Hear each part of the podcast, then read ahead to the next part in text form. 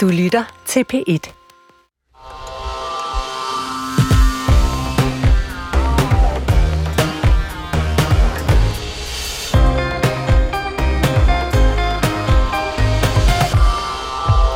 Danmark har fået en øh, ny konge, og med et øh, tronskifte så følger også et nyt valgsprog.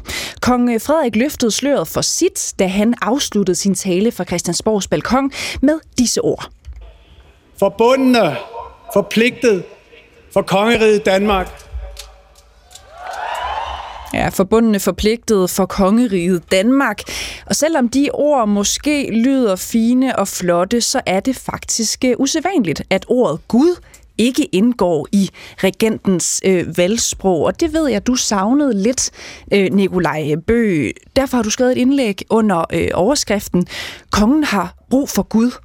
Hvad betyder det? Jamen, det betyder jo, at øh, uagtet, jeg synes, det er et, øh, et fint valgsprog, som har nogle, udtrykker nogle, nogle gode værdier, så havde jeg egentlig foretrukket, at man havde beholdt traditionen med at nævne Gud i, i valgsproget. Og det har jo noget at gøre med, at øh, det dels repræsenterer en kontinuitet i, øh, i kongegærningen, og kongegærningen handler jo rigtig meget om kontinuitet, og dels sætter det jo en eller anden form for, forretning. Det er jo en form for sådan øh, overskrift på, hvad den kommende kongegærning kommer til at indeholde. Og der tænker jeg, at, øh, at det her med, med Gud, det er jo dels noget, som, øh, som kongen er forpligtet på i forhold til grundloven at være medlem af den evangeliske lutherske kirke, og han er også kirkens overhoved i, i praktisk forstand. Det er ham, der autoriserer salmebøger og bibeloversættelser og udnævner provster og biskopper. Men der er også noget lidt større på spil, kan man sige, det her med, at kongen har brug for Gud. Altså kongen har jo brug for al den, dels al den hjælp, han kan få, for at hans kongegærning skal blive en, øh, en succes, mm. også fra, fra folket.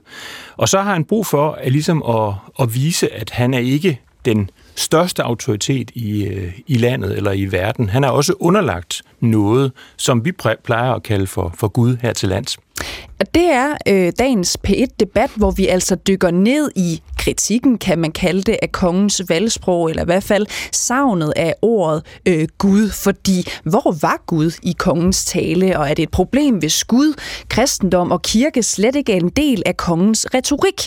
Er modernisering lige med mindre Gud og kristendom, eller burde de fleste indse, at sekularismen er død for længst? Ring ind til os på 70 21 19 19 eller sms til 12 12. Jeg vil meget gerne spørge dig, hvis du har lyst til at dele øh, med os, selvfølgelig også, der står her i studiet i dag. Tror du egentlig på Gud, og betyder det noget for dig, at vores nye konge gør? Mit navn det er Cecilie Lange, og det her det er P1 Debat. Nicolai Bøge, du er rådmand øh, selvfølgelig på øh, Frederiksberg for det konservative Folkeparti. Øhm, jeg bliver lige lidt hos dig, ikke? fordi dronning Margrethes valgsprog, det var, det, og det ved du sikkert øh, øh, øh allerede, Nicolai Bøge, Guds hjælp, folkets kærlighed, Danmarks styrke. Og, og du var også inde på det før. Øh, de fire regenter, som kom øh, før dronning Margrethe den anden, de havde Gud eller Herren med i deres valgsprog.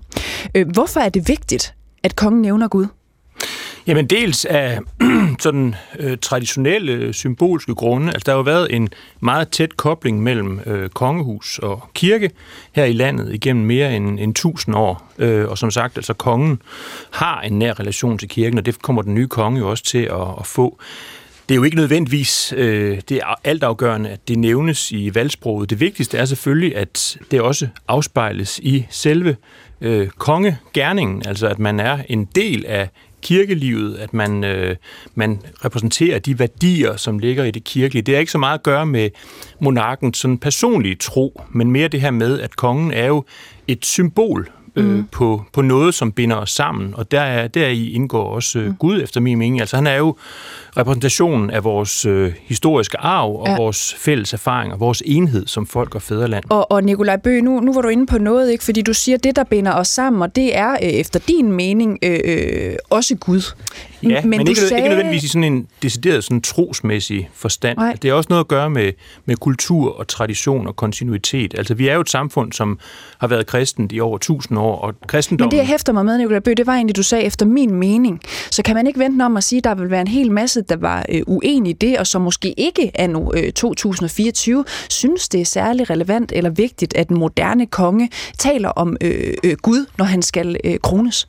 Jo, det kan man sagtens forestille sig, men der vil jeg nok mene, at det her med det moderne skal man holde en lille smule på afstand fra, fra kongehuset, fordi kongehuset jo først og fremmest er en historisk og symbolsk institution, hvor man netop skal sikre, at kontinuiteten er bevaret. Der synes jeg ligesom Gud hører med i, i billedet, eller kristendommen hører med i billedet, og er noget, der er, der er væsentligt. Nu har jeg også til min glæde konstateret, at, øh, at kong Frederik han stadigvæk øh, benævner sig selv, øh, Frederik den 10. af Guds nåde, Danmarks konge. Mm. Så på den måde, så er det jo stadigvæk med på den her traditionsrige måde, så, så jeg forudser, at det hele kommer til at gå ganske udmærket. Men det er en principielt vigtig diskussion, og det er jo netop vigtigt også, fordi at kongehuset er jo ikke det er jo ikke bare til pynt. Altså, der er også noget realitet i det, og der er også noget, øh, noget, noget vigtigt symbolsk i, hvad er det for noget, det her mm. kongehus, som jo binder os sammen. Det kunne vi jo se i søndags med 300.000 mennesker på, øh, i Københavns centrum til at, at fejre tronskiftet. Er vi på 300.000 nu? Det er det her tal, jeg har hørt. Det, jeg har hørt, at det der uh, tal, det var Anders Stjernholm, der stillede et, ja, øh, undskyld, for meget fornuftigt uh, spørgsmål. Jeg har også hørt, at det skulle være opjusteret, det tal. Man regnede med, at det var 150.000, der skulle komme. Det er vist blevet opjusteret en, smule. Min producer tjekker lige op på det, selvfølgelig. Uh, Nicolai Bøge, sidste spørgsmål til dig, så skal jeg nok uh, slippe dig, og så kommer vi lidt videre. Ikke? Du startede med at sige, at kongen har brug for Gud. Vil det ikke være mere retvisende, hvis man sagde, at kirken har brug for kongens opbakning? Jo, det har kirken også, men, men kongen har også brug for kirken. Og det har, noget at gøre, Hvorfor? det har noget at gøre med det her med, som jeg, som jeg talte om før med, at, øh, at kongen er også kongen er jo en magt øh, figur i det her samfund. Altså uanset hvordan man vender og drejer det. Nu kan man sige, at magten er mere symbolsk, hvor den flere, mere tidligere var mere sådan konkret og politisk. Nu er den mere symbolsk, men der er, det er en magtfigur i vores samfund. Og det her med, at man underordner sig noget, i det her tilfælde øh, Gud eller kristentroen, det tror jeg, der er noget meget sundt ved. Og det er også det, der i høj grad har været betydning af det her med, man er konge af Guds nåde, altså man er ikke konge af sin egen nåde. Der er noget, der er større, der er noget, der, øh, som man er nødt til at, at være ydmyg overfor. Mm, han sagde det jo også ikke, øh, han henviste til det, han sig, sagde øh, noget, der er større. Er det ikke fint nok? Så kan man jo, selv altså, som dansker sådan fortolke lidt, hvor, hvor meget tror jeg på Gud, hvilken Gud tror jeg på osv. Er det ikke fint? Jo, altså jeg synes sådan set, det var, det var udmærket sagt. Altså jeg, man, man, må forstå, man må forstå det her, noget der er større end os som Gud. Øh, det er jo en, en meget sådan øh, det kan jo være blufærdig. Det, ja, kan ja. Være, det kan være kærlighed ja. øh, eller sammenhold. Det er en meget... Ele- elefanter kunne det også være, de også større end os, ikke? Det er en meget øh, blufærdig måde at udtrykke et øh, trosforhold på, og ja. der tror jeg jo, at, øh, at kong Frederik han minder meget om mange andre protestanter, det der med at give sådan offentlig udtryk for, hvad man okay. tror på, det har man det lidt svært med, og det synes jeg også er helt i orden. Mm. Og som sagt, hans personlige tro vil jeg sådan set ikke Godt. blande mig i. Det mere det, det symbolske og det, der er sådan fællesskabsorienteret. Okay, Anders Stjernholm, jeg kan lige øh, fortælle dig, at tallet er faktisk blevet opjusteret til noget, der minder om 300.000. Altså ja. øh, danskere, der var mødt op for at se, øh, at det nu var øh, Frederik, der skulle være øh, vores nye. Det lyder helt 5 procent af befolkningen. Ja, det, det, wow. ja. Øh, du er forperson for øh, ateistisk selskab, Anders Stjernholm. Nu er du stået og lyttet med lidt. Ikke? Mm. Hvad synes du om, at øh, kongen sådan set brød med praksis og tradition og valgte ikke at nævne Gud direkte simpelthen? Det synes jeg rigtig godt om, og nu kan man sige, at han brød jo ikke med tra- praksis og tradition. Altså senest Frederik den 7., ham der skrev under på grundloven, havde et valgsprog mm. uden guder i. Folkets kærlighed, min styrke. Så jeg synes, det er rigtig fint, at han vælger nogle formuleringer, som flere af os kan se os i, og ikke kun de her 20-25 procent, der tror på den kristne Gud.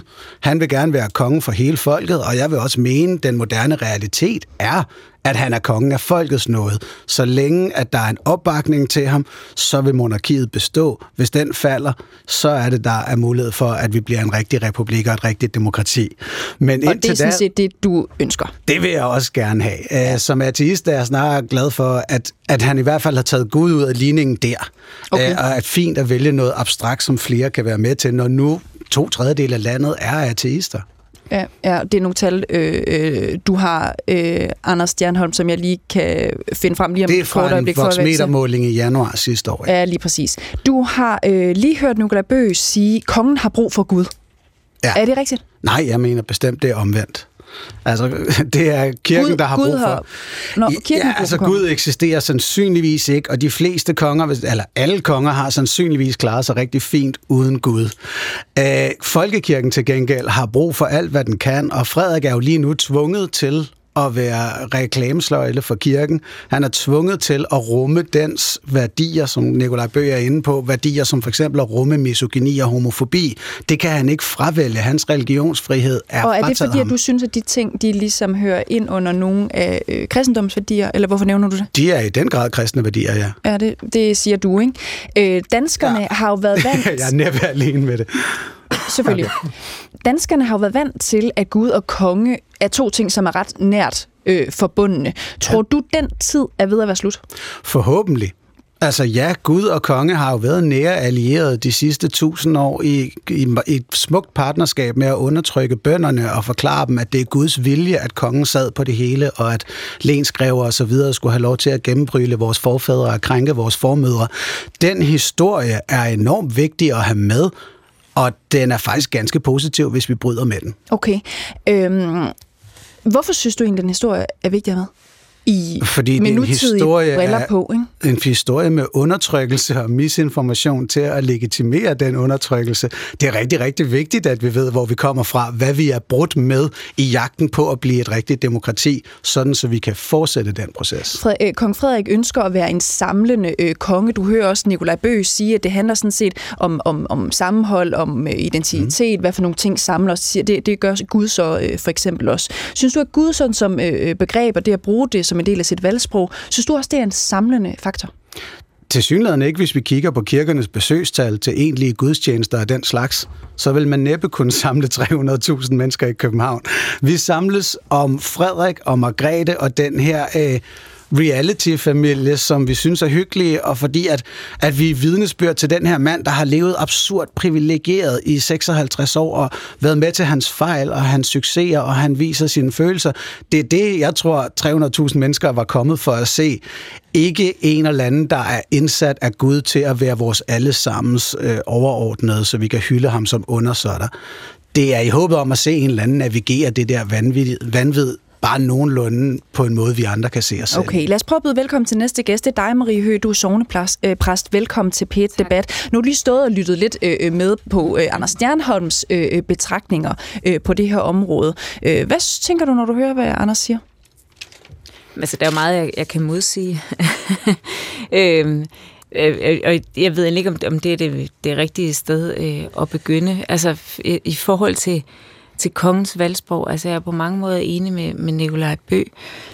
Øhm, og, og som Anders siger, at, at, at to tredjedel af, danskernes, af den danske befolkning er ateister, det er jo så ikke rigtigt. Altså, der er jo omkring 70 procent, der er medlem af Folkekirken og er døbt. Jamen, I er også øhm, den største organisation af ateister i Danmark. Jamen, altså, det, det, hvad skal man sige, helt overordnet for den her øh, øh, diskussion om kongens store eller lille tro, der synes jeg på en eller anden måde, vi skal minde hinanden om, hvad det er for et land, vi lever i. Altså det er Grundtvigs fædreland, hvor vi ingenlunde har en tradition for at kigge hinanden i hjerterne, og derfor synes jeg også, vi skal faktisk holde os fra at, at tage en trostemperatur på kongen. Øh, selv var jeg måske også skuffet over, at han ikke nævnte Gud, men han sagde noget, der er større end os selv, mm. fordi kongen må gerne have det mod til at sige, at det er, øh, det er faktisk Gud, der er den kristne Gud og den, den, den, den kristne arv, som vi står på, der har rundet vores, vores samfund og den kultur, vi, vi lever i, og den, den kultur og den tradition, som han bærer videre. Øh, Hvorfor er du ærgerlig over det, Marie Høgh? Altså sådan, det lyder øh, for mig som om, at øh, hvis du selv kunne vælge, så havde Frederik nok øh, klart og tydeligt sagt øh, Gud. Hvorfor er det vigtigt? Jamen det er vigtigt, at han tør sige det. Altså fordi det er, det er kristendommen, der er vores, vores, vores vigtigste åndelige arv. Og både kongehuset og kirken er øh, vil sige, to tidløse øh, grundpiller i vores, i vores samfund. Det er ligesom sådan en lille evighedsperle i tidernes strøm, som, som er... Øh, noget, noget meget meningsfuldt, øh, øh, et meget meningsfuldt fundament øh, under det, vi er som, som land og som folk og som samfund. Mm. Og derfor havde det været fint, om han havde haft mod til at sige, Gud, for jeg er sådan set ikke i tvivl om, at det er den kristne Gud, øh, kongen tænker på. Øh, og nu se, han har selv ønsket, at der kommer en, en gudstjeneste i, i Aarhus Domkirke i forbindelse med, med tronskiftet. Det må sige, der går den kristne, eller der går kongen netop ind øh, og knæler øh, den mand, som alle andre knæler for, øh, og siger de til den, som vi andre ophøjer går ind og knæler øh, for, for kongernes konge, for, ja. for frelseren for Gud. Og, altså, og, det, og det er der jo, hvad skal man sige, det er jo, det er jo trostegn og symbolik nok. Mm. Øhm, og så, så vi er også nødt til at minde hinanden om, at, at kongen er jo ikke en repræsentant for folkekirken. Og folkekirken er ikke dem afhængig af. Han er ikke en reklamesøjle for folkekirken. Og, og, og, Hvorfor ikke? nu det er han da ikke. Og, og, og kongen eller dronningen, øh, dengang vi havde den, øh, havde en dronning, Altså, lige er, jo, er jo ikke, nej, nej, prøv lige at høre, hvad jeg siger, er jo ikke repræsentant. De er ikke mere repræsentanter for folkekirken end et hvert andet døbt menneske, der betaler sin kirkeskat.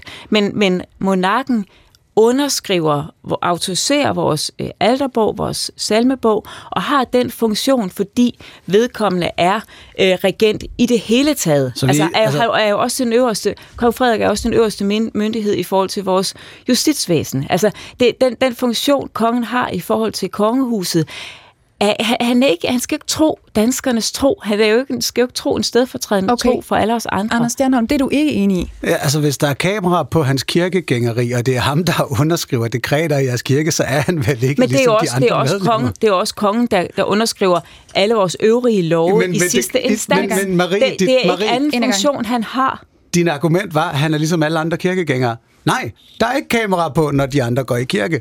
Nej, og fordi de det er underskriver ikke- ikke, kirkens dekreter. Det, han er da ikke ligesom Det er han i kraft af, at han er regent. Det er han i kraft af, at han er regent i Danmark. Derfor er han også øverste myndighed okay. i alle andre Ja. forhold. Og derfor er han en Fuldstændig tvunget- på lige måde, som han er i kirken. Og derfor er han en tvunget reklamesøjle. Okay. Han er ikke Men, en øh, reklamesøjle. Og, og, og, Nå, Reklamesøjle, men det vil I noget... undvære ham? tak. Nu, Kan, kan, vi, kan vi give ham fri så? Kirke, kirke og øh, kongehus er traditionelt forbundet i Danmark. Jamen, hvis han ikke er en reklamesøjle for jer, kan vi så give ham hans religionsfrihed? Og lade ham melde sig ind i lige, hvad han har lyst til? Og det, du henviser til Nej. her, øh, Anders Stjernholm, det er jo, at kongen skal øh, høre til den øh, øh, evangelisk-lutherske kirke. Der står, det står i grundloven. Øh, der er så en lovkommentar, som hedder, regenten kan ikke selv bestemme, hvilken trosretning vedkommende vil tilhøre.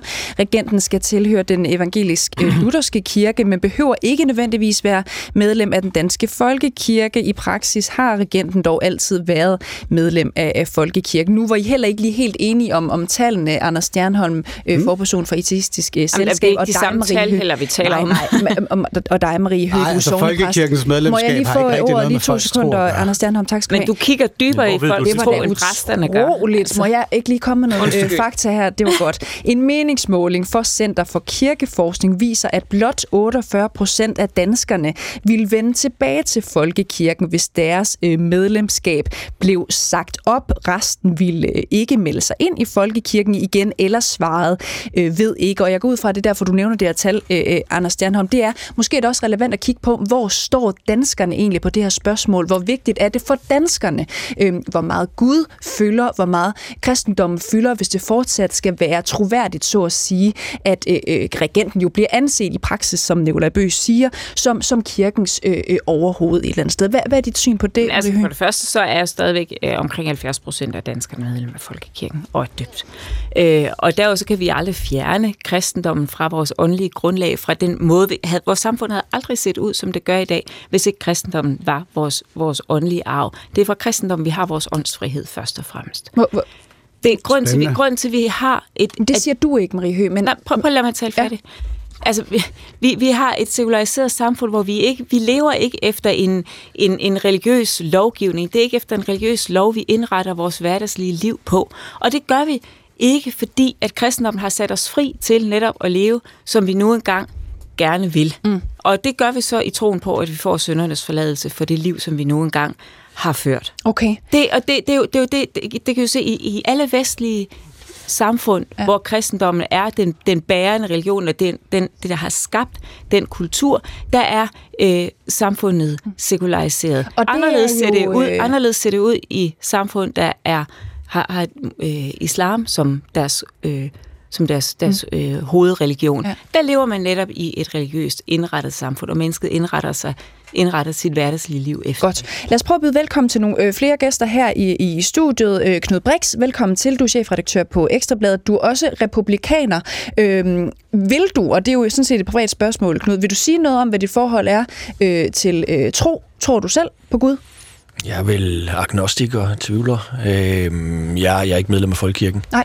Øh, jeg er ikke hardcore ateist som Anders. Jeg anerkender øh, den påvirkning, øh, den kristne øh, kultur har haft. Som, Det kan man også sagtens, selvom Sagtens. du ikke tror på guder, Øh, så er du ateist.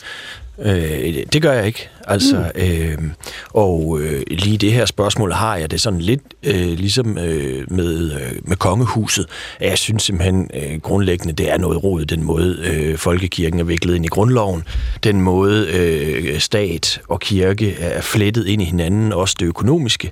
Øh, det synes jeg helt grundlæggende øh, er, er noget rod. Hvad er det ved det, der er noget rod? Ja, det er jo, at, at øh, selvom vi har religionsfrihed, så, er vi jo, så har vi så en, en, ja, du vil jo nok ikke kalde det en statskirke, Marie, men så mm. en folkekirke, som er økonomisk støttet, øh, og hvor, hvor, øh, hvor vi roder Gud ind i vores grundlov. Altså, øh, ligesom at det er et problem for demokratiet, at kongen er rodet ind i det, og, og princippet skal være overhovedet, så synes jeg også, den måde, øh, at, at kirke og stat er forbundne, øh, dybest set er et problem. Okay. Må, jeg, Og, må jeg lige knytte en kommentar til så er det lige kort, Maria. Altså dels, øh, kirken er jo støttet økonomisk af staten, og det er det jo ud over, øh, at vi får kirkeskat fra, fra dem, der er medlemmer.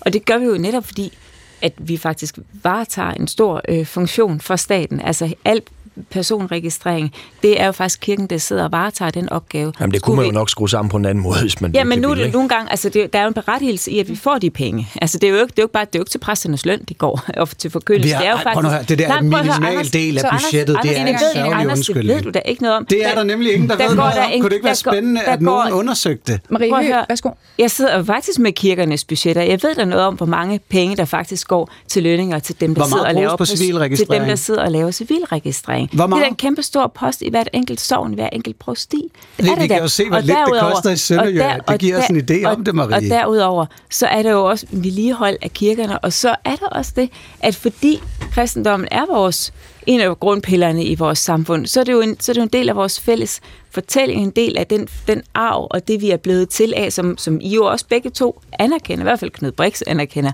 Og, og derfor så får vi den støtte. Knud Brix. Ja, ja, men jeg forstår jo godt, at man er nødt til ligesom at hæve stemmen lidt, altså fordi øh, øh, kirken og, og folkekirken har jo et problem. Altså, øh, der er jo ikke øh, fyldte sale søndag efter søndag. Vi er jo lev på stejstroende her er til lands. Hvis jeg lige lov til, nu har du, været. nu har du Så, ja, øh, afbrudt op til flere gange, så min pointe er bare, at øh, i, i, i et land af lev på danskere, så har vi så øh, kirken flettet ind i, ind i staten, og det er bare, altså det er jo sådan, det er jo ligesom om, at det hele forvidrer lidt under jer. I har jo ikke været dygtige nok til at forvalte det, det må man jo bare sige. Så havde der jo nok været flere, der troede, eller flere, der gik i kirke, hvis I havde været dygtige nok til at forvalte alle de penge, I får staten. Øh, og jeg tror også en del af det er problemet, at I har svært ved at forklare jeres berettigelse, så prøver man lidt krampagtigt at holde fast i sådan nogle øh, symboler som kongen og Gud, øh, og det går jo ikke særlig Nej, og, og Knud Brix, jeg vil godt lige have dit bud på det også. Altså, fordi var det sådan, at du sad og, og hørte øh, kongens nye valgsprog og tænkte, øh, det var da forfriskende, han Ja. ikke nævnte Gud. Okay, Det synes jeg er glimrende. Jeg synes, det er glimrende, øh, fordi han dermed både gør øh, kongehuset en bjørnetjeneste, og, og, og så synes jeg bare, at i, i et øh, moderne demokrati, så synes jeg, det er glimrende, han gør det. Og jeg synes, det er så herligt at høre øh, folk hyle op om, hvad han skulle have sagt. Lad dog manden selv bestemme det. Okay. Altså, øh, og så er det jo morsomt det der med, øh, du ved, at det hedder for Gud, konge og fædreland. Ikke? Nu skal det så hedde øh, noget, der er større end os, konge og fædreland. Ja. Altså, øh, jeg, jeg tror, at det der... Øh, noget af magien, både ved kongehuset og ved, ved folkekirken, er jo ligesom den der stråleglans, der, der er omkring øh, det eventyrlige ved det, mm. og det tror jeg altså også vil, vil, øh, vil øh, forvitre, øh, når han ikke opretholder det der. Men jeg synes personligt, det er en klogt gjort af ham, men jeg tror, det vil ramme institutionen folkekirken. altså en du, sø- du, du, du, øh, du Jo, jo, fordi- priser det sådan set velkommen, men du tror også, at det kan blive øh, folkekirken, ja. Undskyld, øh, øh, monarkiets endeligt? Ja. Nå, okay. Anna Libak, velkommen Jeg øh, til pet Debat til dig. Du er udlandsredaktør på, på Weekendavisen. Jeg kunne godt tænke mig lige at starte med at spørge dig, for nu lyttede med lidt, du skal nok få lov til at kommentere på det hele, ikke? Men synes du, det er en naturlig ting, hvis øh, Gud øh, og kristendom øh, naturligt kommer til at fylde lidt mindre fremadrettet. Øh, nu skriver vi 2024. Øh, der er ikke øh, absolut øh, opbakning til hverken kongehuset øh, eller kirken. Der er ikke særlig mange danskere, der nødvendigvis øh, tror. Er det naturligt, at Gud øh, vil fylde lidt mindre? Jeg synes, at øh, der står i vores grundlov, som det er blevet sagt flere gange, at, øh, at monarken tilhører den evangelisk-lutherske øh, kirke. Og øh, det gør der jo fordi, at, øh, at den måde Danmark blev skabt på, hvad var det? Ja, altså hvad er det, der står på den store Jellingesten? Der står, at øh, Harald Blåtand, han samlede øh, danerne og Norge og Danmark og kristne dem. Det sker i en bevægelse. Mm. Hvorfor? Er der et kors i flaget. Hvordan kan det være, at der i vores pas er et billede af Jellingestenen? Det er fordi, at det han samler dem om, det er at være en kristen nation. Men dermed ikke være sagt, at jeg synes, at, at det er et problem, at øh, Frederik ikke nævnte Gud i sit nye valgsprog. Fordi jeg synes, at øh, sådan set, det var meget elegant, at han bruger øh, ord, der har en kristen klangpunkt. Sådan kan de fortolkes, mm. altså for, øh, forbundne og forpligtet. Hvad er der kristen ved det? Jamen, de er heller ikke nødvendigvis øh, kristne, men, men øh, altså det kristne budskab om, at vi er forpligtet på hinanden, det er jo den danske teolog Løstrup, at vi holder et stykke af hinandens øh, øh, liv i vores hænder, ikke? Det er forbundetheden, og så det, at, øh, at, at man er forpligtet øh, som menneske på sin næste, det er kristne øh, budskaber. Jeg tror, at, øh, at grunden til, at han ikke nævner det, det er fordi, altså jeg er født i 68, han er jo født i 68, og vi er generation X, og vi har det meget svært med patos simpelthen. Og det vil sige, at ordene kan blive for store. Mm. I stedet så græd han, og det var nok. Altså, øh, det, det var nok, fordi i de tårer, der lå den patos, der var nødvendig. Okay. Det er jo, altså, hvis jeg lige må, må gøre opmærksom på, hvad jeg mener med det. Altså, hvad er grunden til, at i min generation, for eksempel, hvis du holder en fest, så kan du ikke være sikker på, at der er nogen, der føler sig forpligtet til at holde en tale. Eller hvis musikken spiller, og du øh, gerne vil bydes op, du kan ikke være sikker på, at der er nogen, der byder dig op, og hvis de gør, kan du ikke være sikker på, at de kan danse, og du kan heller ikke selv danse. Altså modvilje mod ritualer, ceremonier, alt det formelle, den er vi flasket op med, fordi det autentiske menneske, det er et, som ikke altså øh, følger bestemte, altså som skaber sin egen virkelighed. Mm. Og jeg tror, at kronprinsen, ligesom mig selv, er præget af det, og derfor, han mener det skam, men Gud er for stort et ord, og okay. derfor vælger han at krabbe sig ind på det på en anden måde. Så du tror sådan set, at kong Frederik gør øh, øh, kristendommen øh, en tjeneste i virkeligheden ved lige at, at, at, at smøre det lidt tyndt ud, og, og så kan man selv fortolke for eksempel, hvad, hvad han mener med noget, der er større? Jeg mener ikke, at han gør kristendommen en tjeneste, men jeg mener heller ikke, at, at øh, han gør den en, en, øh, en bjørnetjeneste. Altså jeg mener også, at fordi vi i Danmark ikke tilhører en hvilken som helst protestantisk retning, men er lutheranere, så, så mener jeg sådan set, at øh, altså man praler ikke med sit forhold til Gud. Det gør man simpelthen. Man skilter ikke med, at man er en god kristen. Vi har i modsætning til øh, øh, britterne og amerikanerne et ord for det. Hvis man er frelst, så er det altså ikke god reklame. Det er det værste, du altså, være. Ja, det er ja. det værste, du kan være. Ikke? Derfor, at, og så, så den her diskussion om, hvor mange kristne danskere der er, er meget misforstået. De fleste danskere har ikke, selv dem, der er kristne, har ikke lyst til at bekende, at de er kristne, men de har heller ikke lyst til at sige, at de ikke er kristne. For ja. tænk nu, hvis der er en Gud. Altså, det der er, det er, at, at lutherdommen, så du det, er en religion, det er en trosretning for tvivlere. Okay. Det du, så det du siger, det er, at nogle af de allerstærkeste argumenter, Anders Stjernholm, han har arbejdet på dem i flere år som formand, øh, undskyld, for person for øh, ateistisk øh, selskab, de holder ikke helt, fordi det er det, der ligger i, danskernes trosretning i virkeligheden, det er, at vi ved det ikke helt, men vi er nok øh, lidt tilhængere af, af kristendommen på en måde, og har vores eget forholdsgud. Altså, jeg synes, at det, at der er 72 procent af danskerne, og hvis du lægger frikirkerne oveni, der er uden folkekirken, så er vi altså op på 75 procent. Når vi tænker på, at Danmark demografisk har ændret sig så meget, som det har, så vi har en del danske medborgere med muslimsk baggrund, så vil jeg sige, at det er da egentlig ufatteligt, at så mange vælger at være medlem af øh, ja den kristne kirke, når de kunne lade være. Ja, og 48 procent af dem siger så også, at de sådan set ikke vil vende tilbage til folkekirken, øh, hvis man ikke som udgangspunkt var medlem. Det kan godt være, men det er ikke det samme som at sige, at de ikke er øh, kristne. Jeg tror, at meget få danskere har lyst til at stille sig op og råbe ud over hustagene, at jeg ved, der er ikke nogen Gud. Mm. Er det rigtigt? Jeg vil gerne spørge dig først, Anders Stjernholm, altså, og efter dig, Knud Brix. Er danskerne i virkeligheden meget mere kristne, end I går tror? Nej, lad os få defineret de her ting. Hvis du tror på noget større eller mere, mere mellem himmel og jord, en kærlighedskraft i universet eller lignende, jamen så er du spirituel. Hvis du tror, den er en almægtig skabende kraft af hele universet, som startede hele bolsjejsen for 13,8 milliarder år siden, mm. og har en konkret holdning til, hvad en tilfældig abeart på en ligegyldig planet i et mindre solsystem i en perifer galakse gør i deres liv, og har åbenbart den vilje ved at lade sig manifestere i mennesket Jesus fra Nazareth, så er du kristen. Men, hvorfor, så tror du på Kristus, det er grunddommet i kristendom. det et eller andet sted, eller er det dig, der nu det, definerer, ja, det, hvornår man er, ja, er kristen, øh, eller hvornår den, man tror på Gud? Ja, det kaldes trosbekendelsen. Det er den, I alle sammen lyver om at tro på nede i kirken, når I kommer derned til Men kan man ikke, Anders Stjernholm, helt ærligt, det, kan man ikke godt tro på, at det er Big Bang, der startede øh, det hele, og så alligevel have det sådan, men jeg tror øh, på Gud, jeg beder til øh, nogen, at han kan hjælpe tror mig, på, øh, han, hun jamen, kan hjælpe mig i forskellige situationer. Jo. Tror man så ikke også på Gud og kristen? Nej, nej, hvis du tror på den Gud, der manifesterede sig i Kristus, er du kristen. Hvis, hvis ikke det er den Gud, så er det en af de 3.000 andre. Og det er jo det, det handler om. Der, der er mange muligheder. Ja. Hvis du ikke tror ja, okay. på nogen af de her guder, du er ikke nødvendigvis okay. sikker. Det er en misforståelse, det er en misforståelse af kristendommen. Okay. Jeg vil gerne gøre opmærksom på, hvem er en af al, de aller, aller største tvivlere. Det er Jesus. Hvorfor hænger han på korset og råber, min Gud, min Gud, hvorfor har du forladt mig? Der sanktionerer han tvivlen. Det er kristendommens grundlag, og det er det, du har misforstået. Nej, nej, nej. Du lyder som om, det er Moses, der kommer ned med stentavlerne, og så bliver der krydset af. Lever du op til det? Det blev omgjort. Det var der, vi fik det nye testamente, den nye aftale, omgjorde det. Det så eneste, du har simpelthen misforstået Anna, kristendom. Det eneste, jeg nævnte, var Kristus. Og selvfølgelig er man i tvivl, uagtet om man tror eller ikke tror på guder. Tvivlen er troens følgesvand, og en ateist må naturligvis tvivle lige så meget som en teist. Okay, Knud Brix, chefredaktør på Ekstrabladet.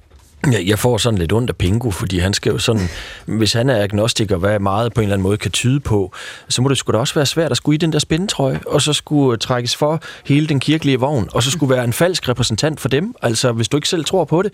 Øh, øh når han har det ikke med i sit valgsprog, han, han siger, at der er noget, der er større, men han vil ikke rigtig definere det.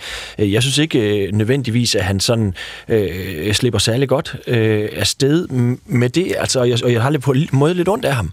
Altså, øh, selvom man ikke skal have ondt være en mand i, i et gyldent bur, men det må skulle da være en speciel rolle at være spundet for den stridsvogn der, øh, og så skulle, øh, skulle løbe med den, og så kan folk øh, fortolke alle mulige ting ind i det, og det viser jo også bare, altså grundlæggende er både kongehuset, og så det, at vi, at vi ikke har en adskillelse af kirke og stat, er jo noget råd. Mm.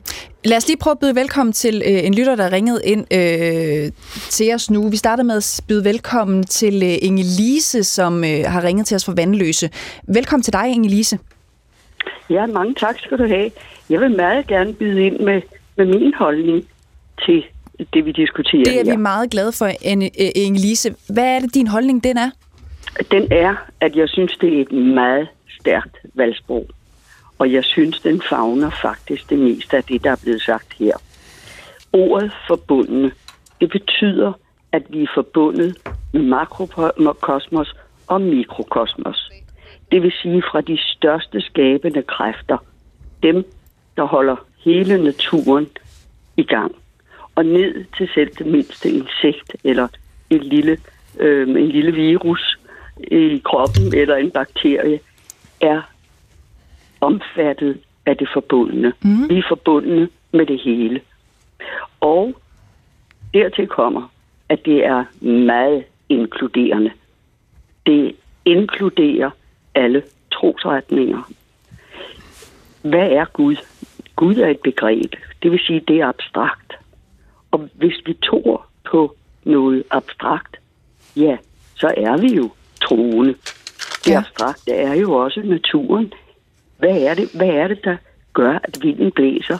Og kan vi se vinden? Nej, det kan vi ikke, men den er der, for vi kan se det på, at bladene bevæger sig. Mm. Inge Lise, øh, det er jo ja. meget spændende, det du, øh, det du beretter om her. Jeg bliver lidt nysgerrig på, anser du dig selv som værende øh, kristen eller spirituel? Fordi det lyder også som om, at du har et øh, abstrakt forhold til, på hvilken måde du ligesom tror. Altså, jeg tror på den måde, at jeg tror på naturen, jeg tror på de skabende kræfter. Jeg går glad og gerne i kirke. Mm. Jeg synger glad og gerne salmerne. De indeholder så stor visdom. Ja. Så hvis vi sætter os ned og læser dybt ind i teksterne, så er der enorm visdom i salmerne. Mm. Og tror og, du på, at Gud øh, skabte jorden på, på seks dage og, og hvilede på den syvende? Nu, nu, nu Heller der er alle Heller mulige, Der er alle mulige, der kigger mærkeligt på mig nu. Eller at Jesus genopstod, for eksempel? Nej, Nå, okay. altså på, på den måde tror jeg ikke på det. Men jeg tror på, at naturen er det, der forbinder os alle. Altså hvis vi nu for eksempel tager og fjerner alt vand på kloden, mm. hvad er der så tilbage? Der er forbindelse. Der er okay. forbindelse på alle ledere og kanter. Det, der stikker op, det er nogle små øer, men det er jo fordi, der er vand. Godt. Vi er alle forbundne ja. på alle ledere og kanter. Det vil sige, det er stærkt inkluderende. Det omfatter alle trosretninger. Og derfor synes jeg sådan set, at den diskussion, der kører her, mm. den, øh, den, den bliver for materialiseret, den bliver for detaljeret. Jeg synes, vi skal kigge på det i et metaperspektiv og forstå, hvordan det hele er forbundet. Og det næste, det forpligtende, det nævnede øh, Anna Libak lige før, hørte jeg, ja. at, øh, at det er jo øh, Løstrups ord med, at vi øh, holder altid den anden i vores hånd. Godt. Vi er altid forpligtet på den anden. Den anden skulle gerne være gladere, når vedkommende går fra et møde og Inge-Lise, tusind, tusind tak, fordi du ringede ind til os på 70 21 19 19 og øh, gav dit øh, besøg med. Du kan også bare øh, sende en sms, hvis du sidder og lytter med derude, øh, så skal du bare skrive ind til os på, øh, på 1212. I får også lige en sms øh, her, det er Jan øh, fra Bornholm, der er nogenlunde øh, enig med Inge-Lise. Han skriver, Kong Frederik adskiller sig klart fra sin mor med hensyn til kulturelt ståsted, og han er formentlig ikke troende. Skal han være en tidsvarende monark i et moderne demokrati skal han have mulighed for at vælge sin egen personlige vej med venlig hilsen, øh, Jan fra, fra øh, Bornholm. Lad mig lige prøve at, at starte hos dig, øh, Nikolaj Bø. Er der noget af det her med, at Frederik skal have lov til at, at vælge sin egen personlige vej, og ikke gøre fuldstændig ligesom sin mor og nævne Gud så specifikt?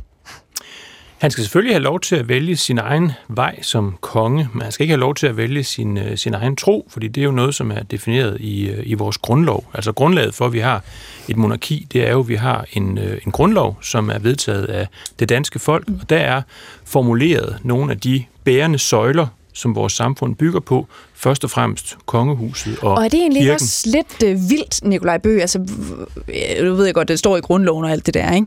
Men, men hvis man bare sådan øh, så på det, øh, kunne man ikke være så vild at sige, hvorfor må øh, øh, regenten ikke have lov til at vælge sin egen tron, og alle andre danskere må? Det er jo, Jamen, det er, det er fordi, et stort spørgsmål, hvad man tror ja, på, ikke? men det, som jeg synes er vigtigt også at få med ind i debatten her, det er jo, at øh, vi har jo været navnlig i de sidste par uger her, utrolig fokuseret på personerne, både den, øh, den afgående øh, monark og den tiltrædende. Og, øh, og det kan jo også være, være spændende nok at finde ud af, hvad er de for nogle mennesker, og de sætter selvfølgelig hver især deres stærke præg på, øh, på institutionen, men det er jo i bund og grund institutionen, kongehuset, der er det centrale ja. her. Altså de er jo netop ikke valgt til at udfylde de her øh, roller. De er jo, de har arvet det og, øh, og de er repræsentanter for et, en lang, lang, lang kæde af konger og mm. dronninger, som fortsætter også i århundrederne fremover uanset hvad, hvad Knud Brix og Anders Stjerneholm mener. Og det synes jeg er meget vigtigt at holde fast i. Ja. Så det her med, hvad han personligt tror, og hvad han personligt ønsker, og hvordan han personligt vil gøre, det er i virkeligheden ikke så fantastisk vigtigt. Han er først og fremmest vores øh, fælles repræsentant for danskhed og for historie og tradition Godt. og kontinuitet. Knud Brix. Jeg synes bare øh, også det morsomme i det her, det er, at han måtte jo nærmest selv kigge ned for lige at kunne huske øh, sit valgsprog, så det ud til. Ikke? Altså han, han, skal, han skal snakke i cirka 30 sekunder, og han er nødt til at have den der tale ved sin hånd, og så ligesom lige kigge ned, hvad er det nu mit valgsprog er, så det ud til. Altså jeg kan jo ikke vide, hvad der går gennem hovedet på, men, men, men det, der bare er interessant også, det er jo, altså sidder vi og diskuterer det her, som om, at det er sådan på en eller anden måde, i forhold til, hvad der ellers er, er vigtige sager derude, er helt vildt vigtigt for mange mennesker. En af vores reporter, han gik en tur på Christiansborg øh, øh, et par dage efter, øh, og, og, og spurgte politikeren, hvad, hvad synes du om valgsproget? Jamen, det er simpelthen bare så godt, det han... Hvad var det nu? Ja, det kunne de jo ikke huske. altså, øh, øh, så det var et super, super valgsprog, men der var ikke ret mange af dem, der kunne formulere det helt præcist. Mm. Øh, og det synes jeg jo siger det hele. Okay, Anna Libak. Jamen, hvad er det, det, det siger?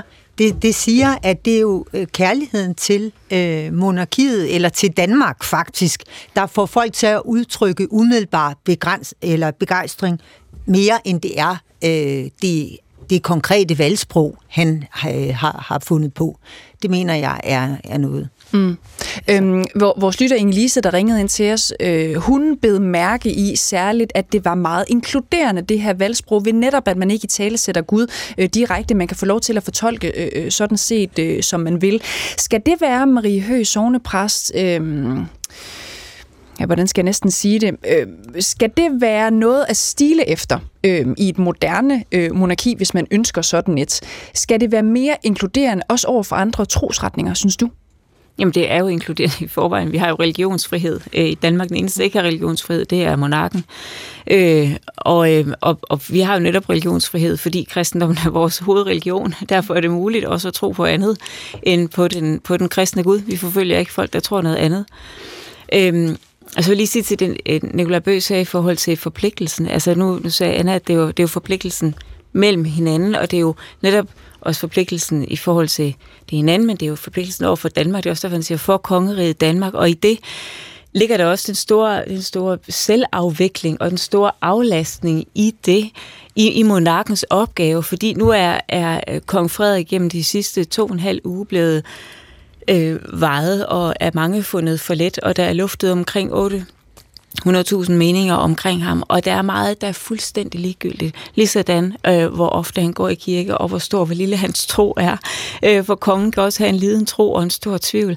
Og det er netop ikke det, der er det bærende. Det bærende er, at han er, han sidder på, øh, har beklædet et embede, der har en tusind år gammel tradition, øh, og en arv, han skal føre videre, samtidig med, at han skal være i pagt med tiden. Han må ikke gifte sig med tidsånden, for så begynder det at smuldre. Mm. Men han skal være i pagt med tiden og i pagt med sit folk. Hvad betyder og det, det der med, at han ikke må gifte sig med, med, med tidsånden? Hvad betyder det? Jamen, fordi tidsånden er fuldstændig omskiftelig, og en tidsånd er jo med til at ofte at nedbryde noget af den arv, han har, han har med sig. Så han skal jo ikke bare være, altså han skal jo ikke være en, en døgnflue. Derfor er det også problematisk, hvis, hvis øh, kongehuset øh, begynder at engagere sig i, i ideologiske dagsordner ja. og sådan nogle ting. Okay. Det går ikke. Øh, men, men, men være i tiden og være blandt folket, men samtidig hele tiden huske, at han har en helt anden øh, position. Altså han er ophøjet, selvom han løber rundt i en svedig t-shirt med, med alle andre danskere mm. øh, øh, ned igennem København, så er han almindelig men det særlige ved kongehuset er jo altså alligevel paradoxalt nok, okay, at de ikke er... Anders Stjernholm, værsgo. Jamen, jeg vil sige, at tidsånden på en planet, der har lært at spotte hinanden på kryds og tværs, er jo, at vi lige pludselig forstår, at ting som næstekærlighed og at gengælde tjenester, det der her omkring hedder den gyldne regel, at være god ved sin stamme og sin familie osv., er almengyldige flokværdier, som alle menneskelige kulturer på hele planeten har fuldstændig almengyldige. De er evolutionært umulige ikke at have. Det eneste, vi kan se alle steder, det er, at den lokale religion altid er klar til at skilte med at være ophavet til de her værdier. Og det er rigtig, rigtig fint, at vi for eksempel med sådan et valgsprog som det her, lige tager en afstand fra den der lokale etnocentri og, og arrogance, og forstår, at hey, i sidste ende vil vi alle sammen gerne det samme. Så, så det er faktisk rigtig fint, at Frederik gør det der. Altså også fordi vores monarki er ikke baseret på grundloven, vores monarki er baseret på vold. Det var sådan, det startede. Grunden til, at vi er kristne, det er, fordi kong Harald måtte give efter for truslen om vold nede sydfra. Så det her med, at Frederik han nu forstår, at det ikke er Gud eller lignende, han skal frygte, det er hans eget folk, og at han er kongen af folkets nåde og af folkets forbundenhed, det er den, der forpligter ham. Det er skidesmukt, synes jeg faktisk. Mm.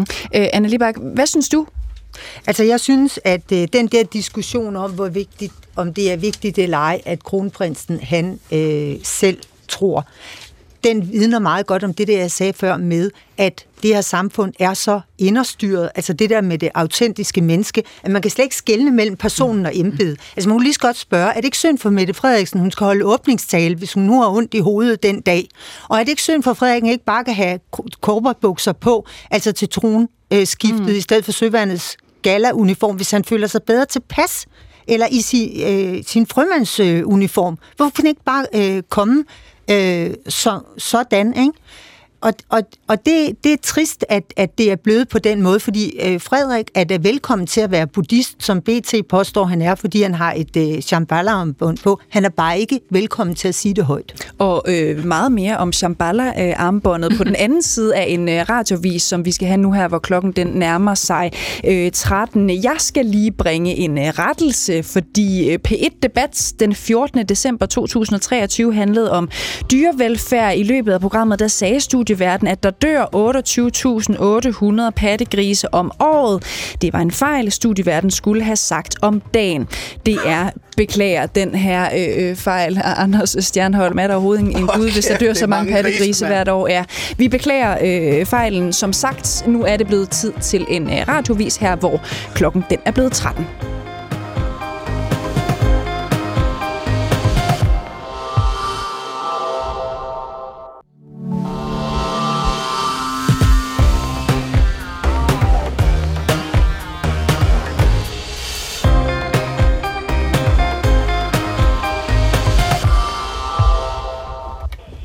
forbundne, forpligtet for kongeriget Danmark.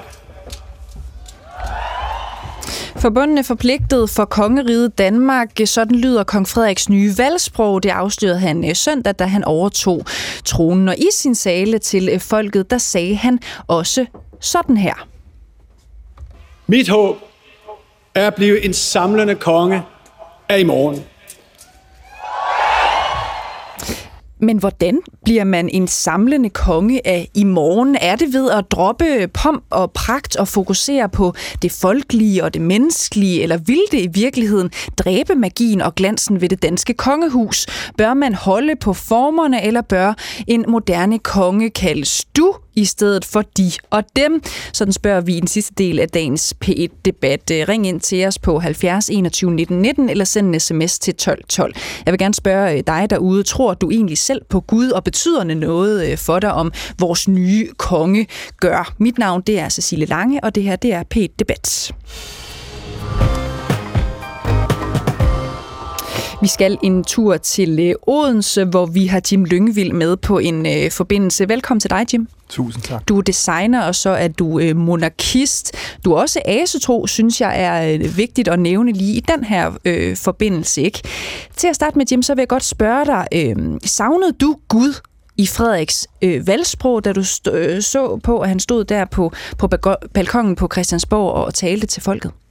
Jeg vil sige, at øh, det var så dejligt at have Inge Lise igennem lige før. Altså, jeg har jo siddet og hørt, hvad I har snakket om. Og, og det her med, at hun sagde, at det var fra mikrokosmos til makrokosmos. Så Gud var alle steds nærværende i hans tale. Det var det bare ikke i ordet. Øh, han siger det jo også i den sidste del. Han siger, at han har brug for sin kone, sine børn, os, folket, og noget, der er større end os. Så han har sagt det, han har bare ikke sagt ordet. Okay. Og jeg vil sige lige på den del, øhm, Edgar Tolle, øh, filosofen, han siger jo, at det øjeblik, du siger, jeg elsker dig, så findes kærligheden ikke længere. Så det, det, det ligger i følelsen, og det gør det jo også troen, mig som troende menneske. Det øjeblik, jeg siger navnet på den Gud, jeg tror på, jamen så har jeg mistet følelsen. Følelsen er i hjertet, det er ikke i ordet. Okay. Øhm, Jim Lyngvild, du har faktisk skrevet en slags besked, kan man godt sige, til kong Frederik på din egen øh, Facebook. Du har skrevet sådan 10 bud til ham, øh, hvor du siger noget om, hvordan du mener, han kunne agere som, som konge, hvis han ønsker at være øh, en konge af i morgen. Det er jo det, han selv siger. Ikke? Mm. Skal vi ikke prøve at tage udgangspunkt lige i nogle af de her bud, du har skrevet, og så tænker jeg, at det gode panel, jeg har i studiet, øh, kan prøve at komme med, med deres synspunkter i forhold til, øh, om de er enige, eller om de ikke er enige. Det første, du skriver, Jim øh, Lyngvild, det er afskaf de og deres til hverdag, til officielle begivenheder, og når der bæres ordner, er tiltaleformen stadig deres majestat, men ikke noget krav i hverdagen. Det er sgu så bøvlet at huske, skriver du så. Mm. Prøv lige at, at forklare os, hvordan kan det være, at du tænker, at, at man måske skulle løsne lidt op for det der de og, og deres, som jo er ret formelt? Det er, jo, det er jo de eneste, vi gør det til. Altså selv statsministeren siger vi du til.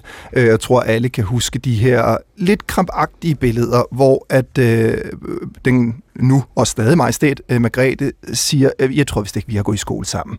Til en, der kommer til at sige øh, du til hende, og prins Joachim, der gør det samme. Det, det er sådan en, åh, det vender sig lidt ind i os alle sammen, tror jeg. Men, uh, og jeg har været så heldig at have kongens far til bords, og det var meget, meget, meget lang aften at skulle sidde og sige øh, prinsgemalen øh, og deres kongelige højhed vil direkte med saltet, og det er så besværligt for en samtale at skulle huske de der ting, som vi ikke bruger til hverdag, og jeg tror rent faktisk, at samtalen vil glide bedre og mere normalt, hvis mm. man droppede det. Kan du ikke være bekymret for, Jim Lyngvild, om der er noget af det der øh, ophøjet, som jo også øh, øh, vi forbinder med kongehuset, som går lidt fløjten, hvis man lige pludselig begynder at slække lidt på, på formerne? Nej, det er overhovedet ikke. Det er jo Mary og Frederik, der er magien. Det er jo ikke de ord, vi bruger. Og jeg tror, at øh, her vil Anders Stjernholm give mig fuldstændig ret i, at, at det er noget, vi digter. Vi digter jo de ophøjet. Vi digter jo, at de er noget mere. Når Mary kommer ind i et rum, har jeg jo oplevet mange gange, så bliver man, man vender sig automatisk, og så synes man, hun lyser mere end alle andre.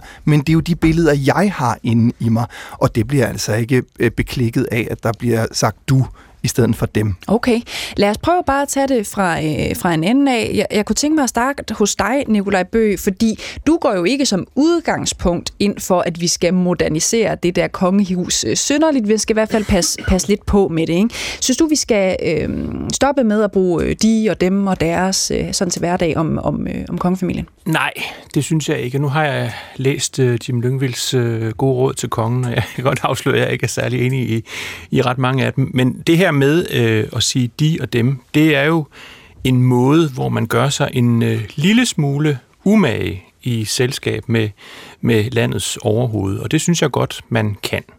Det markerer en lille distance, og den distance skal der også være i relationen mellem den enkelte dansker og, øh, og kongen og dronningen. Det synes jeg er, er fuldstændig rimeligt, og det som jo er altså udfordringen ved det moderne kongehus, det er jo, at det risikerer at blive for almindeligt. De bliver for meget ligesom alle os andre. De kører i, øh, i ladcykel og henter deres børn og, øh, og går i cowboybukser og går til sport osv. osv. Det er alt sammen sympatisk og udmærket, men på sigt er det jo med til netop at udhule den her magi, den her ophøjethed, som skal være der. Der skal ligesom være en forklaring på, hvorfor de her mennesker, de bor på slotte og kører i kareter og giver forstår, lovende kraft ved at skrive dem under. Hvorfor ligger det i det der de og dem? For de har jo magt, de har privilegier, de får en masse penge øh, af os øh, som, som, som stat, ikke?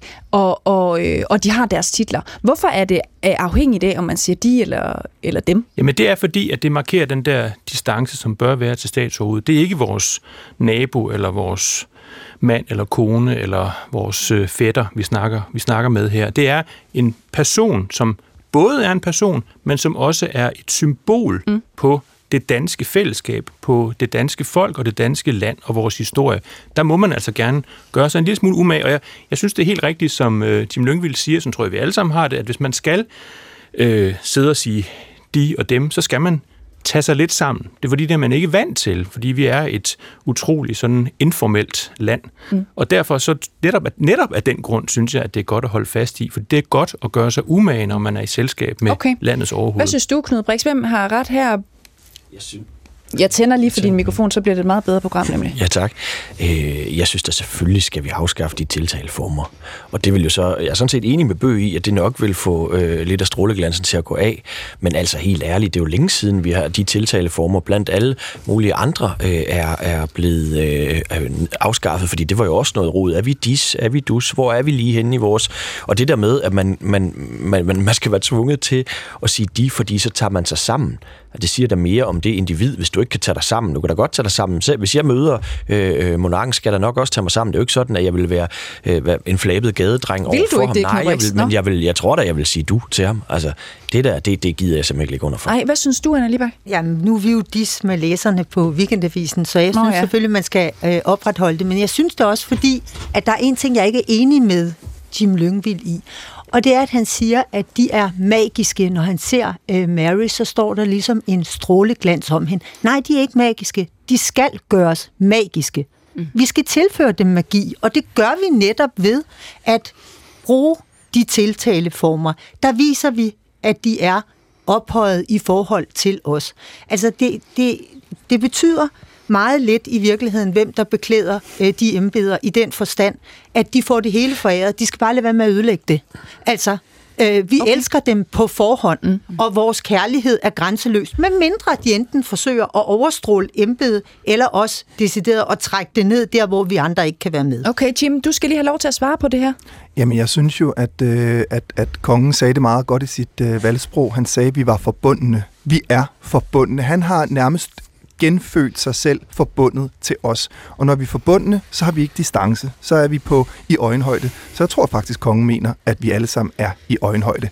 Kan du ikke, og jeg spurgte dig sådan set om det øh, øh før, Jim Lyngvild, men, men Anne Libak har jo også øh, den her pointe, der handler om, at det er sådan set noget, der skal øh, kreeres omkring kongefamilien. Øh, det, at de skal være magiske, det er ikke noget, der, der, der bare kommer af sig selv. Jo, og jeg, når jeg hører Anna, når jeg hører øh, Knud, og når jeg hører alle, så sidder jeg jo også og tager 60 procent af det, de siger, gud, jeg kunne tænkt så smart, eller nej, hvor er det godt tænkt. Mm. Fordi vi er jo alle sammen enige om et eller andet, og derfor så er der jo også noget rigtigt i alt, hvad der bliver sagt. Jeg vil bare lige sige en ting, som faktisk ikke har noget med det at gøre, men som har noget med noget andet at gøre. Nu siger vi det her med, Gud ikke bliver nævnt i valgsproget. Men vi skal huske, der er altså otte gange tidligere mm. i kongernes valgsprog, hvor der ikke er blevet nævnt ordet Gud. Så det er altså ikke, han er ikke enestående, og man tænker, åh nej, nu er det aldrig sket før. Mm. Det er sket før. Ja. Og øh, Knud Brix? Jamen det er jo bare, altså det her, det her vi, vi lytter til her, er jo en eller anden form for angst for sædernes forfald. Altså her er der noget i vores øh, samfundsorden, som på en eller anden måde vil forvidre. Øh, øh, men det er jo selvmodsigende alt den stund, at vi da heldigvis har reformeret os siden Harald Blåtand. Vi har haft reformationen i 1536. Vi har altså øh, med grundloven også reformeret os. Hvorfor skulle vi dog så sige, at vi, at vi, må, vi må stivne i den øh, statsreligion, vi fik med grundloven, og sådan må det være? Det er jo noget vrøvl. På et eller andet tidspunkt vil der komme øh, et pres, og, og til Anne Libak øh, vil jeg sige, øh, hvis det er ligegyldigt, du kan sætte en hvilken som helst stratenrøver ind på det embede, det er embedet, der er det vigtigste. Hvorfor var kongehuset så mindre populært, da Margrethe kom til, end da hun forlod jeg det? Jeg sagde ikke, du kunne sætte hvem som helst ind ja, i embedet. Nej, det jeg sagde, det var, at den, der sad der, kunne ødelægge det for sig selv. Mm. Altså, det er faktisk svært for et menneske, der bliver øh, født til sus og dus, ikke at blive så betaget af sig selv, mm. vise den fornødne selvbeherskelse, altid underspille sig selv. Det er en af grundene til, at dronning Margrethe var så populær. Det var, at hun aldrig satte sig selv foran sit embede. Det er meget svært. Jeg er ikke sikker på, at jeg selv ville kunne gøre det. Så jeg siger sandelig ikke, det er ligegyldigt, om den person, der sidder der, forstår det. Okay. Jeg siger bare, at hvis vedkommende forstår, at du er ikke den vigtigste her, øh, folkets kærlighed har du på forhånd.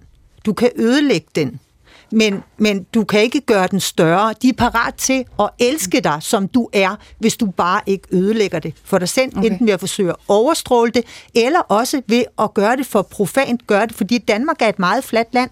Vi er jantelovens hjemland, ja. og derfor så gør det os ære, at vi har valgt, at der trods alt skal være nogen, som skal kaste glans over dette lev på rige.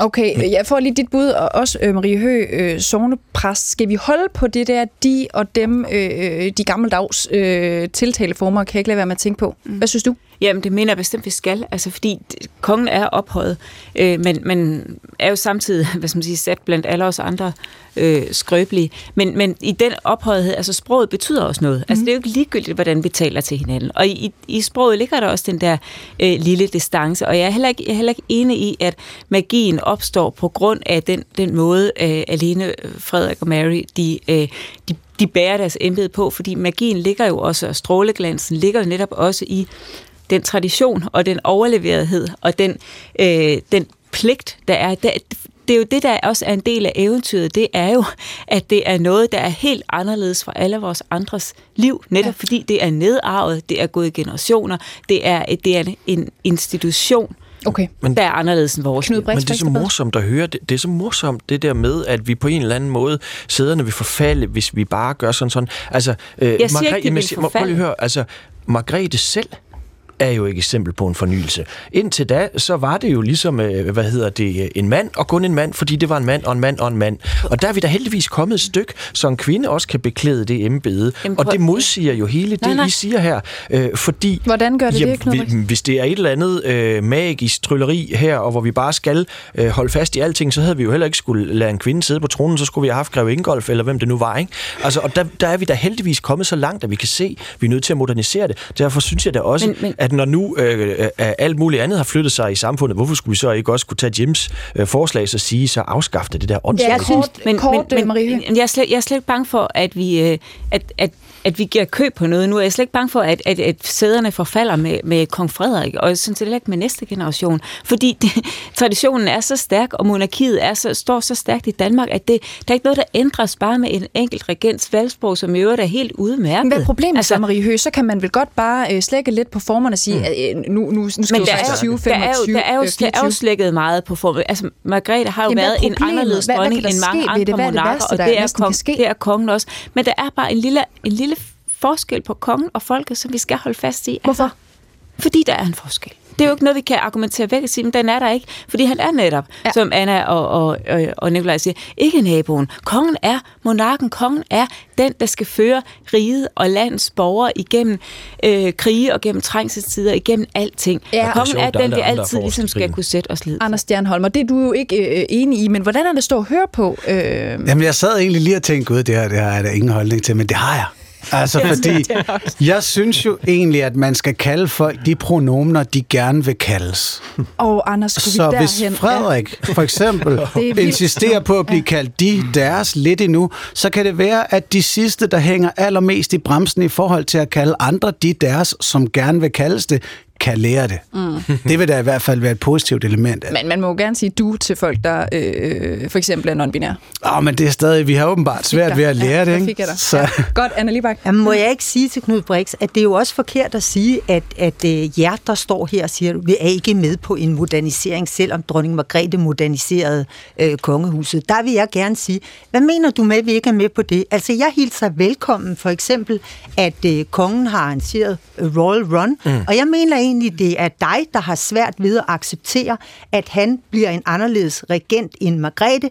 Du har ikke gjort det her, men jeg har set dig i flere programmer tale om, at han snakker jo sort, ja, og man forstår jo ingenting, og det er som en elev i 9. klasse. Og så vil jeg sige til dig, denne her konge er faktisk ligesom øh, sin mor også en del af eliten, bare ikke af den verbale, intellektuelle elite, men af den kropslige elite. Jeg har været i forsvaret, og jeg vil godt sige, jeg kender ikke jer tre, men jeg vil ved med, at I ikke kunne være blevet frømænd.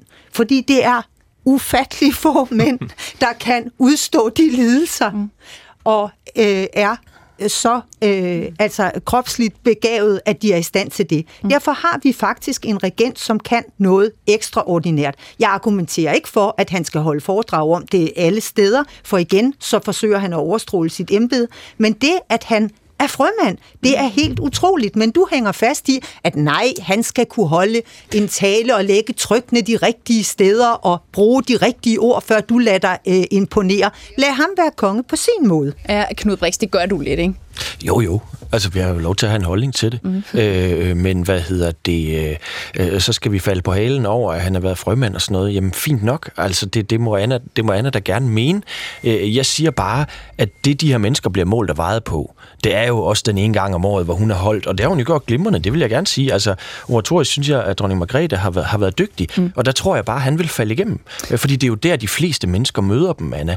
Det er jo den ene gang om året, hvor de står med champagne i hånden, og så hører de det. Ikke? Så derfor er det jo ikke helt ligegyldigt, om, øh, om han kan tale eller ej. Også den måde, han skal repræsentere embedet, især når han er uden manuskript, synes jeg, han taler i nogle kæder, som er ekstremt ekstremt svære Lad os lige prøve, og så skal I nok få ordet alle sammen. Lad os lige prøve at høre hvad, et tidspunkt, hvor, hvor kong Frederik i hvert fald har været uden øh, manuskript. Smukfest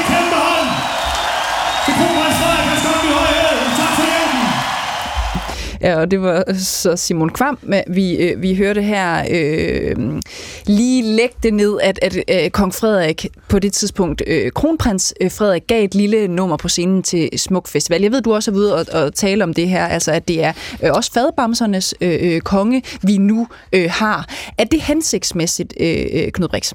Altså, jeg tror der på en eller anden måde, folk kan spejle sig i det, men jeg tror, han gør monarkiet en bjørntjeneste ved det der.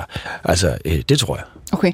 Og grunden til, at jeg lige øh, spurgte, det fordi, at det er sådan set også en af dine pointer, Tim Lyngvild. Du er stadigvæk med os på en forbindelse mm. fra, øh, fra Odense. Du skriver mm. sådan her, det er dit øh, punkt nummer 6. Du skriver Frederik. Aldrig glem fadbamserne og Skanderborg. Kort sagt, glem aldrig dem selv. Jim Lyngvild, øh, hvad mener du? Jamen, det er jo selvfølgelig lidt i overført betydning, fordi det skal jo ikke være sådan, så han vælter Stang Bacardi rundt og øh, smusser sit tøj til osv. Det, det, det kan også blive for jordnært. Men jeg synes rent faktisk, det er rigtig dejligt at se, at vi har en kronprins på det her tidspunkt. Selvfølgelig skal der ændre sig noget nu, og, og nu er gearet altså også lige sat op i 6. gear, så der er altså lidt at, øh, at gøre anderledes her. Men jeg håber, at, at vi vil komme til at se det her umiddelbare, at han vælter op på scenen. Der havde han han, havde, han, var i, han var i zonen. Han var i sit livs zone der, og det kender vi alle sammen, og det håber jeg simpelthen. Og det, jeg egentlig siger det for, det er faktisk for sådan en som Knud Brix. For jeg ved, at hvis det skete igen, så vil man blive kaldt for sprutfrede og øh, de mest nedværdigende ting, fordi de bare venter på, det sker. De, mm. altså, Ekstrabladet vil bestemt ikke have, at han lægger fadbamserne på hylden, for så er de ikke en skid at skrive om. øh, så, så for mig handler det om egentlig at sige til folket, lad os endelig, når det sker, for det kommer sikkert til at ske, lad os slå ring omkring ham og beslutte os for, at det sgu okay. Og Jim Lyngvild, det her bliver jo så også spørgsmålet om, hvorvidt man skal holde fast i det med, at øh, øh kongefamilien, jo særligt øh, den nye konge Frederik, er øh, ophøjet, er en del af en særlig elite, eller skal man mere dyrke det folkelige, det menneskelige, Royal Run og, og, og fadbamser, øh, som Frederik jo også har været kendt men, for. Men Hvad det synes ene, du? det ene udelukker ikke det andet, og det er jo det, der er så smukt. Dronningen, hun gjorde det på en altså da hun kom til øh, i 72, var hun ikke sønderlig vældigt, vil jeg lige sige. Mm. Og, og der var ikke særlig mange, der kendte hende, fordi hun var en meget anonym skikkelse inden, og meget generet og meget dannet og uddannet. Øh, så det var det, hun havde brugt sin tid på. Nu kender vi vores konge nærmest i alle facetter, og det synes jeg, der er fuldstændig fantastisk. Så jeg håber, at han gør det på sin måde, og vi binder os altid op på noget, der var tidligere, og tænker, nu forfalder sæderne, men tider skifter, sæder mildnes, og det håber jeg også, de gør her, og så ved jeg, at vi vil tage det i de tempi, som de nu engang kommer, og acceptere, at vores øh, konge nu engang er sådan. Og når hans søn en dag kommer til, prins Christian, som virker mere bolig end sin far, eller mere, jeg ved ikke, hvad ordet er. Øh, han, han er, vi hører i hvert fald hele tiden, at han er meget han virker god lidt til... skarpere i pæren, kunne man sige det sådan, øh, Jimmy Lyngvild? Nej, det synes jeg ikke. Nå. Hvis man hører kronprinsens eller kongens tale til øh, sin mor om, at skibet er klar, og jeg melder klar på broen, det var en af de retorisk stærkeste taler, jeg nogensinde har hørt, hvor han er bygget ind i et billedsprog, som han forstod, okay. og som hans mor forstod. Og det var eddermame skarpt. Okay. Så han kan sagtens tale. Ja. Så, så, så, så han skal kunne begge dele, og han kan begge dele. Mm.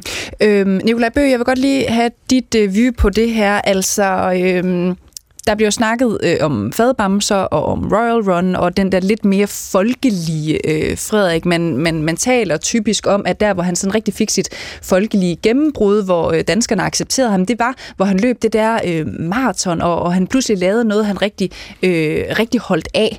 Hvad synes du, altså synes du som Jim Lyngvild, at der skal være plads til masser af, af det folkelige og, og lidt på scenen til Skanderborg og, og fuld, har han også optrådt fuld ved flere lejligheder, lad os bare være ærlige. Er det fint nok som konge også?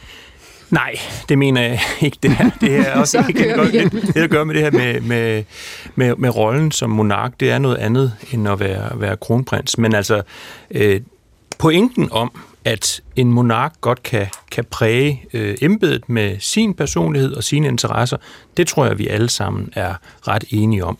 Kong Frederik han bliver en anden monark end sin mor var, og hun var en anden monark end kong Frederik den 9. og så fremdeles. Og sådan skal det være. Men var, der undskyld, er- må jeg lige sige, var Frederik 9. ikke også bare ekstremt folkelig og ekstremt populær, fordi Jo. han gik i Nyhavn, fordi han stod og dirigerede, fordi han levede fuldstændig, som han havde mm. lyst til. Det var det, der gjorde, at alle elskede kong Frederik. Noget af det, jeg tror gør, at, og igen, så tror jeg, at man skal fokusere lidt mere på, på institutionen frem for personerne, fordi de er ikke valgt i kraft af deres fantastiske øh, kvaliteter og interesser. De er valgt, for, eller de, er, de har arvet embedet, så det tror jeg faktisk er vigtigt at holde fast i. Men der er ingen tvivl om, at det her med at være et autentisk menneske, det var Anna Libak også inde på før, det sætter vi meget pris på. Vi vil meget gerne mærke den ægte konge og den ægte dronning. Hvorfor vil du så sætte ham ind i en kasse? Jamen, jeg vil, det, det vil jeg heller ikke. Jeg vil, bare, jeg vil bare opfordre til, at vi holder balancen. Altså, der skal være et vis noget sådan sommerfuglestøv omkring øh, monarken, omkring øh, kongehus som institution, og det er ikke rigtig forenligt med at være fuld til, til Skanderborg Festival og så videre. Det synes jeg altså ikke, det er. Når det er sagt, så vil jeg da også sige, at det her med at være den, man er, en, altså vi ved godt, han er en, han er en smadret dygtig soldat, han er en øh, dygtig sportsmand, han holder af rockmusik osv. osv. Det elsker vi ham også for. Men det vi sådan set har brug for nu, i hans nye rolle som kong øh, Frederik den 10., det er jo at se, at han også mester alle de andre ting, der også hører til kongeembedet. Altså han skal også være i stand til at deltage i det store ceremoniel. Mm. Han skal Men... også være en aktiv øh, deltager i landets kirkeliv, som vi for eksempel har talt meget om, og han skal være en noget for øh, de væbnede styrker osv. osv. Han skal, nu har vi ligesom brug for, at han også træder ind i den del af Men er det ikke derfor, vi også har en dronning? Der er to om det her. Der er om glæden, man dobbelt glad, og halv om sorgen så tung at bære. Tim, så derfor, jeg vil bare lige sige, mener det, du? Ja, jeg mener, at vi har en dronning Mary, som er 4% på en mere populær end sin mand, når man bliver spurgt, eller ja. hun bliver spurgt. Hun er altså ikke født ind i det her i en ubrudt kæde, og jeg skal, skal komme efter. Skal, skal hun så lave alt det der lidt kedelige med kirken og, og det Ja, kulturelle, det og, og så skal, og så skal kong øh, øh, Ja. Frederik gå på For Skanderborg? det var faktisk også det, som dronning Ingrid hun gjorde. okay. Det kan være en rollefordeling. Det behøver ikke at være en rollefordeling. Nej. Men det kan være en og det, rollefordeling. er dit, øh, det er dit bud i hvert fald. Ikke Tim, men- nødvendigvis et bud. Nej, det kan det være, det kan og det. det mestrer hun, for det kan vi jo se gang på gang. Hun er vanvittigt dygtig til det Okay. her. Lad os lige prøve at byde velkommen til Gunnar, øh, som har ringet ind øh, øh, til os. Gunnar Svendsen fra Albertslund. Er det ikke rigtigt, Gunnar? Ja, hej. Ja, hej med dig. Hvad er dit øh, indspark til den her øh, debat om, hvor folkelig øh, kontra hvor ophævet øh, kong Frederik skal være? Jamen altså, det er jo det her med, at øhm, øhm, vi vil gerne have en... Altså, der, der var et spørgsmål, der kom sådan et spørgsmål ud inden fra jer, der sagde, hvordan bliver Frederik en mere folkelig øh, konge? Ikke? Mm. Og der mener jeg, at han skal prøve at omgås nogle mere almindelige mennesker. Fordi alle vi ser, og som vi har set de sidste 52 år, men også før det, ikke? det var jo eliten, det var alle de rige. Det var folk med en kæmpe bankkonto, det var folk, der havde lavet toppræstationer. Altså eliten, du ved, den hurtigste løber, landsholdet og anfører og landstrænere mm. og forfattere og musikere, og alle sammen verdensklasse. Nogen, der har solgt millioner og milliarder og skrevet. Altså, Men Gunnar, kan du ikke også øh, kan du ikke tænke nogle gange, når for eksempel man, man ser Frederik på, på Skanderborg eller alle mulige andre sammenhænge, at, at han er rigelig folkelig? Altså, jeg synes, øh, øh, altså på en måde gør han det meget godt, men det er jo, det er jo hver gang, at der er de her tafler sådan noget, mm. at det er nogle mennesker, som, ja, som ikke er almindelige. Men det er mit råd til Frederik og til Mary, det er Okay. Omgås nogle almindelige mennesker. Tak for Fordi det. med øh, Ja, tak for almindelige det, øh, Gunnar. Tiden løber ikke, men lige en kort bemærkning ja. fra dig, Anna Libak. Jeg synes, det er et mennesker. rigtig godt råd, der bliver givet, og derfor er jeg også glad for, at de ordner, øh, som kongehuset uddeler, også går til almindelige mennesker, som den kongelige belønningsmedalje og dronningens fortjenstmedalje, som gives til alle mulige mennesker, bare de har været på samme arbejdsplads i årtier. Anders Stjernholm, Nikolaj Bø, Marie Høgh, Knud Brix og Anna Libak, tusind tak, fordi I vil være med i den her udgave af P1 Debat. Husk, øh, P1 Debat er tilbage igen i morgen. Tusind tak til alle, der lyttede med. Mit navn det er Cecilie Lange. Nu er det tid til genstart. Gå på opdagelse i alle DR's podcast og radioprogrammer. I appen DR Lyd.